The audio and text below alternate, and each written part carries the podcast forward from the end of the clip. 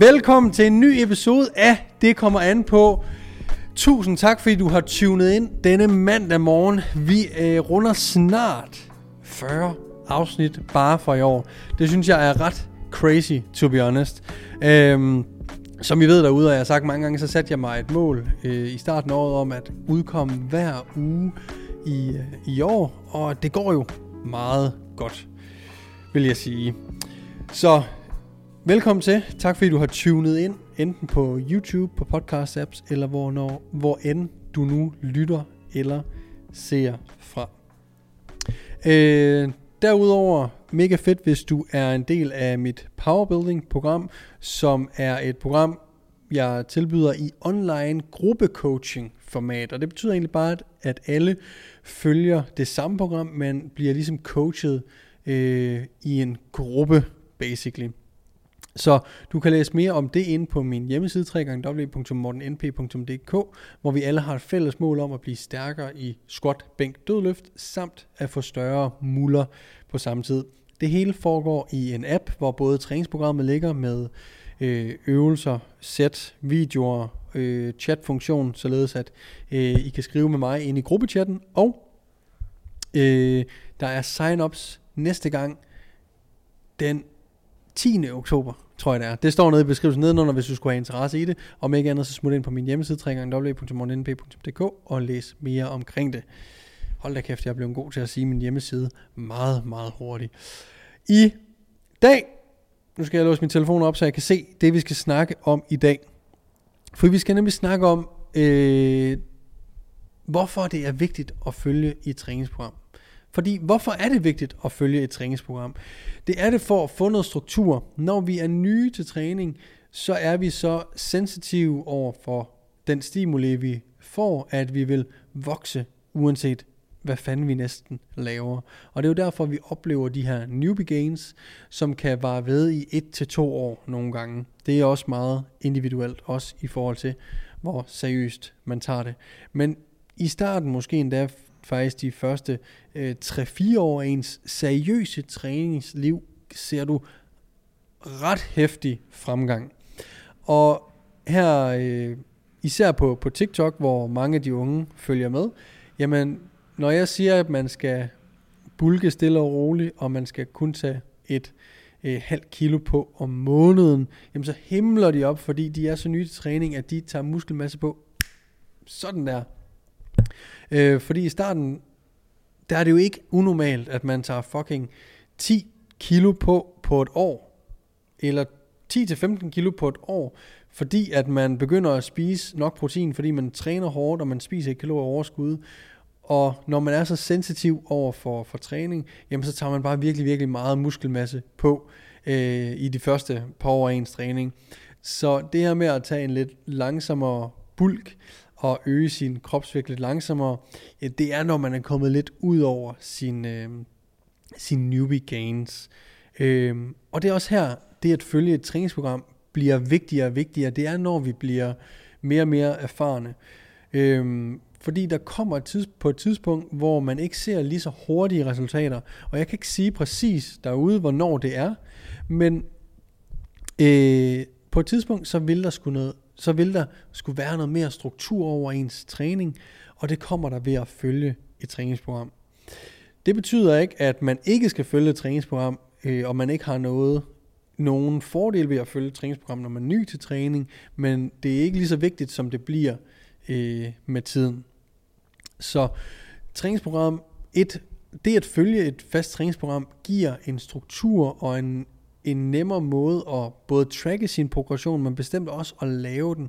Fordi at når man følger et træningsprogram, som er gennemtænkt og professionelt lavet, jamen så får man den rette mængde øh, sæt og reps for at få den stimuli, som man ønsker. Så hvis det er enten at blive stærkere, eller om det er at blive større, eller begge ting på én gang, jamen så vil et program jo sikre dig, at du øh, får de resultater, som du rent faktisk søger, fordi programmet er lavet efter øh, ens mål. Og et program kan sagtens være noget, man bare googler sig til, som er gratis at finde på nettet. Jeg har nogle gratis træningsprogrammer inde på min hjemmeside. Øh, man kan gå ind og downloade. Der er tre forskellige, så vidt jeg husker. Øh, nej, fire forskellige, som man kan gå ind og downloade, som er, der er nogen, der er både øh, fokuseret på både at blive stærkere og større, der er nogen, der er fokuseret på bare at blive større og få større muskelmasse, og der er et nybegynderprogram. Og hvis de matcher dine mål, jamen, så passer de programmer super, super godt til dig. Det kan også være, at man har lyst til at have et lidt mere personligt program, hvor man tager lidt mere højde for, øh, hvad er det for nogle øvelser, som du for det første rigtig godt kan lide at lave. Øh, for der er ikke nogen øvelser, der er magiske. Bænkpres er en god øvelse, men hvis du ikke kan lide den derude, så behøver du faktisk ikke lave bænkpres for at få et stort og stærkt bryst. Så et personligt program handler mere om at tilpasse træningsprogrammet præcis øh, den enkeltes præferencer, øh, skader eller eventuelt øh, begrænsninger i forskellige bevægelser.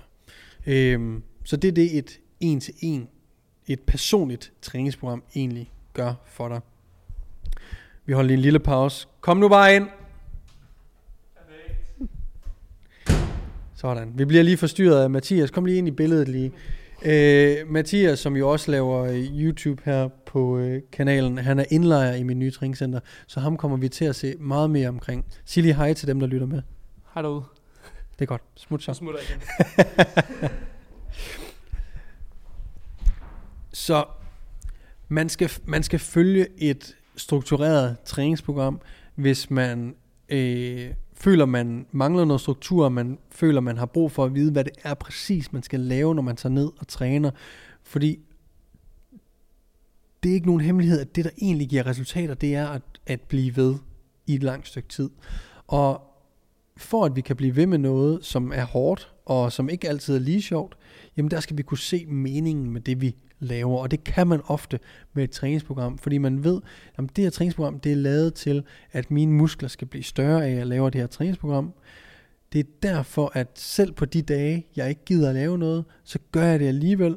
Fordi hvis jeg ikke laver den her uges program, så kommer jeg bagud med programmet, og så kommer jeg ikke i mål med det, jeg ønsker at opnå med min træning. Og det er et ekstremt øh, kraftfuldt værk, kraftfuldt øh, argument, synes jeg, for at, at følge et program. Øh, når man har trænet i øh, omkring øh, 10 plus år, ligesom jeg har, så er det næsten sådan en, en skade, at man ikke kan ikke følge et træningsprogram. Jeg kan godt, når jeg er imellem programmer, ikke følge et træningsprogram og nyde, at jeg bare kan lave, hvad end jeg vil. Men efter nogle uger, så hungrer jeg efter at vide præcis, hvad det er, jeg skal, fordi jeg gider ikke spilde min tid i træningscenteret. Jeg vil vide, at mit program bevæger mig hen imod min træningsmål, og det kan man ikke vide, hvis man ikke følger et nogenlunde øh, struktureret træningsprogram. Så hvis du ikke har prøvet at følge et træningsprogram derude, så prøv at starte med en af de gratis træningsprogrammer, der ligger eventuelt på min hjemmeside, www.mortennp.dk, eller gå ind og, og google øh, nogle gratis træningsprogrammer. Der er Wendler 531, som mange kender derude, som jeg selv har kørt, som er et glimrende program, hvis man gerne vil øh, øge sin øh, squat bank dødløft. Og der er en masse andre meget kendte gratis træningsprogrammer, man kan finde og lad det være dit første øh, træningsprogram. Og, og hvis du øh, har brug for noget mere personligt, jamen så kan du altid tage fat i en personlig træner, for eksempel mig, og, øh, og ligesom komme i et, et træningsforløb, hvis det skulle have interesse. Men hvis du ikke har kørt et træningsprogram før, så gå ind og download det gratis, og se, hvad gør det egentlig for dig at følge et struktureret træningsprogram. Øh, det er ikke sikkert, at du er der i din træningskarriere endnu, men hvis du er, så vil jeg bestemt anbefale det. Øh, en af de andre spørgsmål, som jeg har fået, og emner, jeg gerne vil tage op i dag, jamen det er fejl, som jeg begik, da jeg startede med at træne. Så hvilke fejl begik jeg, da jeg startede med at træne? Og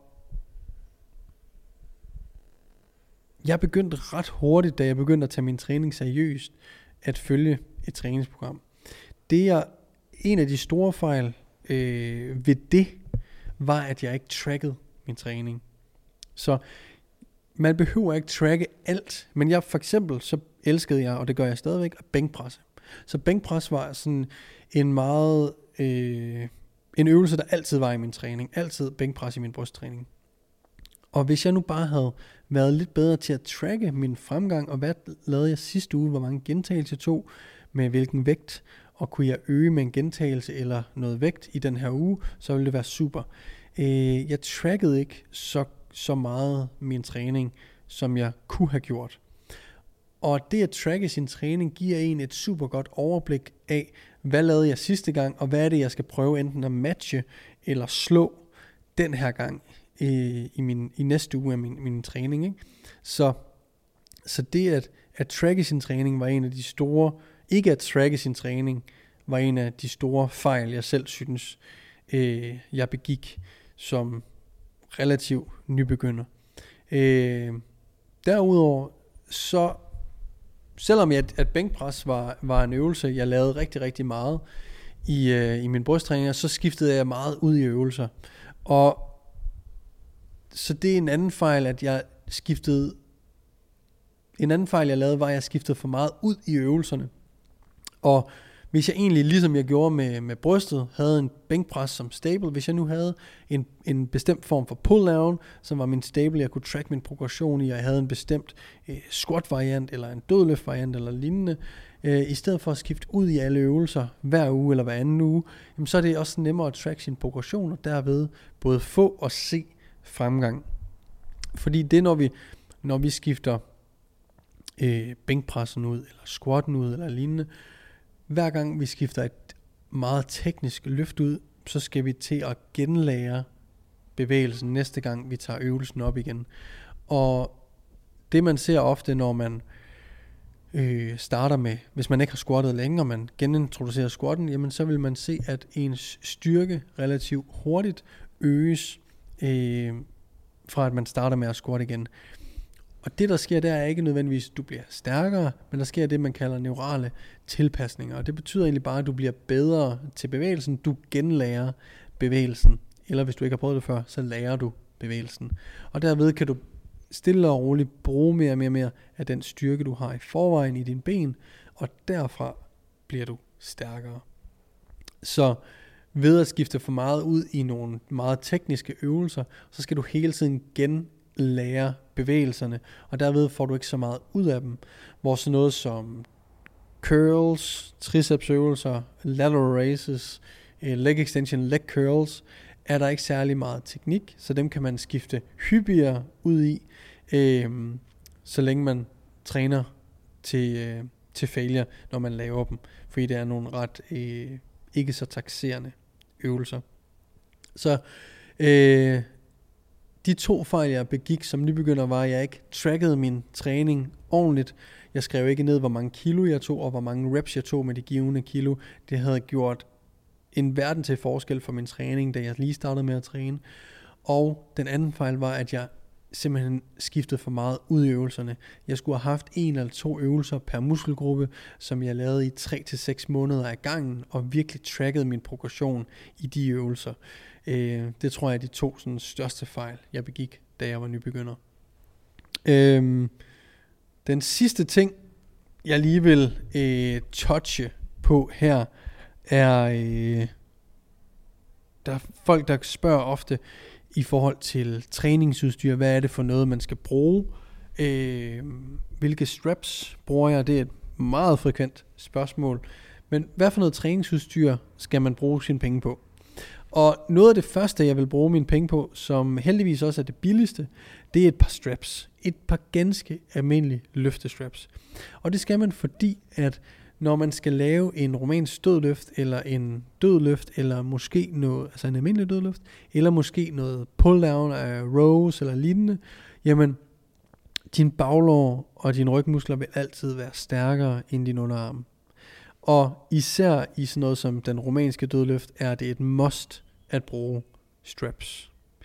Øhm, så det er noget af det, jeg vil investere øh, i først. Derefter vil jeg nok Derefter vil jeg nok investere i et øh, træningsbælte, og der kan man også få nogle ret billige nogle. Man kan få nogle øh, med velcro, som er, koster 200 kroner, eller noget i den stil. Og det bæltet gør, det er, at det hjælper en med at give øh, en sensorisk feedback på, om man spænder op. Og hvad fanden betyder det? Jamen det betyder egentlig bare, at når man har det her bælte rundt om maven, når man så suger luft ind igennem næsen eller munden og ned i maven, så kan man presse maven ud imod bæltet. Og når man gør det, så laver man det, man kalder et brace. Og et brace er egentlig bare, at man spænder op i kåren. Og bæltet gør ikke som sådan noget i sig selv. Du kan ikke tage bæltet på, og så er dit opspænd fikset. Du skal bruge bæltet aktivt, ligesom at du kan ikke bare tage et par straps rundt om håndledene, og så øh, tro, de virker. De skal også vikles rundt om stangen, og du skal stadigvæk holde fast i stangen.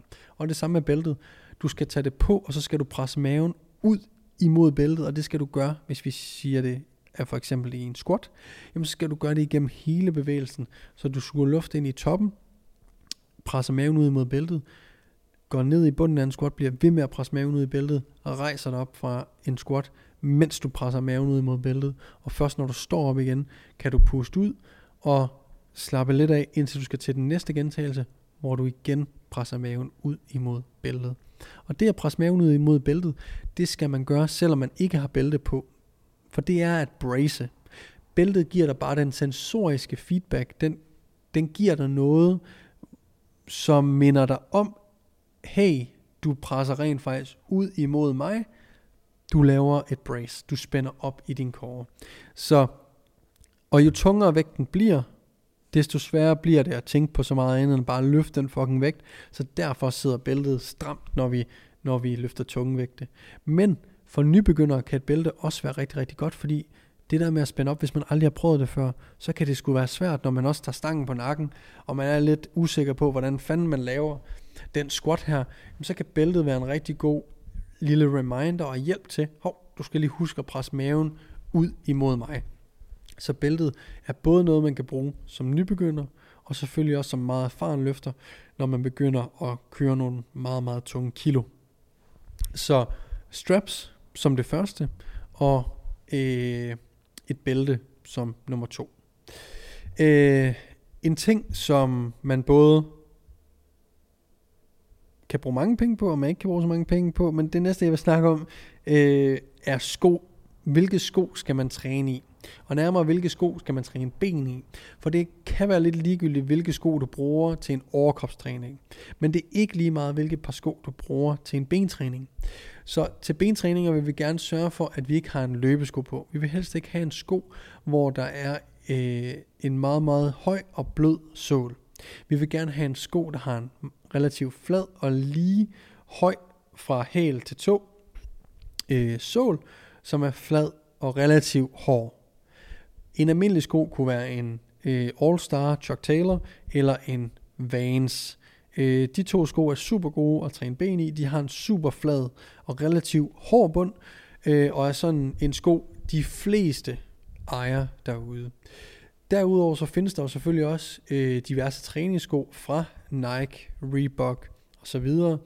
En sko, jeg er ret vild med selv, er en Nike Metcon, som har igen en flad bund og er lavet til at lave styrketræning i. Øh, hvis vi går over og snakker lidt olympiske vægtløftningssko, som er de her sko, der har en hævet hæl, som gør, at det kan blive lidt nemmere at squatte, fordi at det akut i gåsøjne øger din ankelmobilitet. Det øger ikke din ankelmobilitet, men det snyder dig lidt til en bedre, til nemmere at kunne få knæet ud over tæerne. De kan være super gode, hvis man har svært ved at squat, men det, hvis man har dårlig ankelmobilitet, så er det en rigtig, rigtig god idé at arbejde på det. Men vægtløftningssko er gode til, hvis du gerne vil være god til at squatte, men de er også gode til forlovstræning. Og det er fordi, at forlåret bliver trænet ved, at vi bøjer vores knæ rigtig meget. Så grunden til, at hack squatten er en virkelig god øvelse, er fordi en hack squatten er en øvelse, som stort set alle, uanset mobilitet, kan komme virkelig, virkelig langt ned i, og kan bøje deres knæ rigtig, rigtig meget. Og når vi kan det, jamen, så er der høj forlovsaktivering. Og det kan en vægtløftningssko øh, hjælpe med, når øh, i alle andre øvelser, en split squat, en back squat, øh, benpres osv. Så så skovalget, hvis det er bare til almindelig flade sko, Chuck Taylor øh, eller en Vans, eller køb dig et par Nike Metcons, og hvis du er ude i en vægtløftningssko, jamen så køb enten en fra Nike eller Adidas eller Reebok. Det er sådan de mest kendte inden for, for at lave vægtløftningssko, vil jeg sige. Og så har de også forskellige prispunkter derinde. Så de har både nogle, der er, er relativt billige, og så har de selvfølgelig nogle, der er relativt dyre også. Det sidste, jeg lige vil snakke om, er, øh, vil jeg sm- sætte i samme kategori, og det er knee sleeves, det er elbow sleeves, og det er wrist straps, wrist wraps, som er noget, jeg vil vente med at købe, indtil jeg føler, at jeg er så nørdet, at øh, det er noget, jeg har lyst til, eller jeg føler, jeg har brug for. Så de færreste har brug, i min optik, brug for wrist wraps. Øh, det er dem, man tager rundt om håndledet. Det er noget, man har brug for, hvis man virkelig, virkelig løfter tunge bænkpres eller øh, lignende. Hvis man træner øh, ganske normalt, så øh, handler det mere om at kunne lægge stangen ordentligt i håndfladen, så hernede, i stedet for op tæt på fingrene, når man bænkpresser for eksempel. Øh, men hvis du får ondt i håndledene, så er det heller ikke den dyreste accessory at købe. Så køb det, men jeg vil gå efter at prøve at træne uden dem. Knee sleeves og elbow sleeves er super gode til at varme din led, men det er ikke noget, som sådan kurerer dine albuer eller din knæ. Og de fleste, tror jeg, har sleeves på øh, af placeboeffekt, men også fordi det giver en ekstrem god varme og i varmer ofte enten albuled eller knælet rigtig, rigtig godt op. Og derudover så giver det også en lille smule støtte, men hvis man er ny til træning, så er det ikke noget, man har brug for, men jo stærkere man bliver, jo mere nørdet man bliver til træning, så kan det være en super, super øh, god investering at gøre. Men det er ikke noget af det første, jeg vil købe. Det vil være straps, bælte og så eventuelt nogle sko. Så det var sådan set dagens podcast. Jeg håber, I fik noget ud af den. Husk at følge med ind på Instagram, TikTok. Stil nogle spørgsmål, hvis I skulle have nogen, så kan vi altid tage dem op her i øh, Det kommer an på. Og så husk, hvis du kunne tænke dig at følge et struktureret træningsprogram, så smut ind på min hjemmeside www.mortenenfix.dk. Derinde kan du hente enten dit første gratis træningsprogram, eller du kan tilmelde dig mit powerbuilding-program og blive en del af et super fedt community, som har lyst til at blive både stærkere i squat, bænk, dødløft, men også øge muskelmassen på samme tid. Tusind tak, fordi I lyttede eller så med. Vi ses i næste episode. Peace.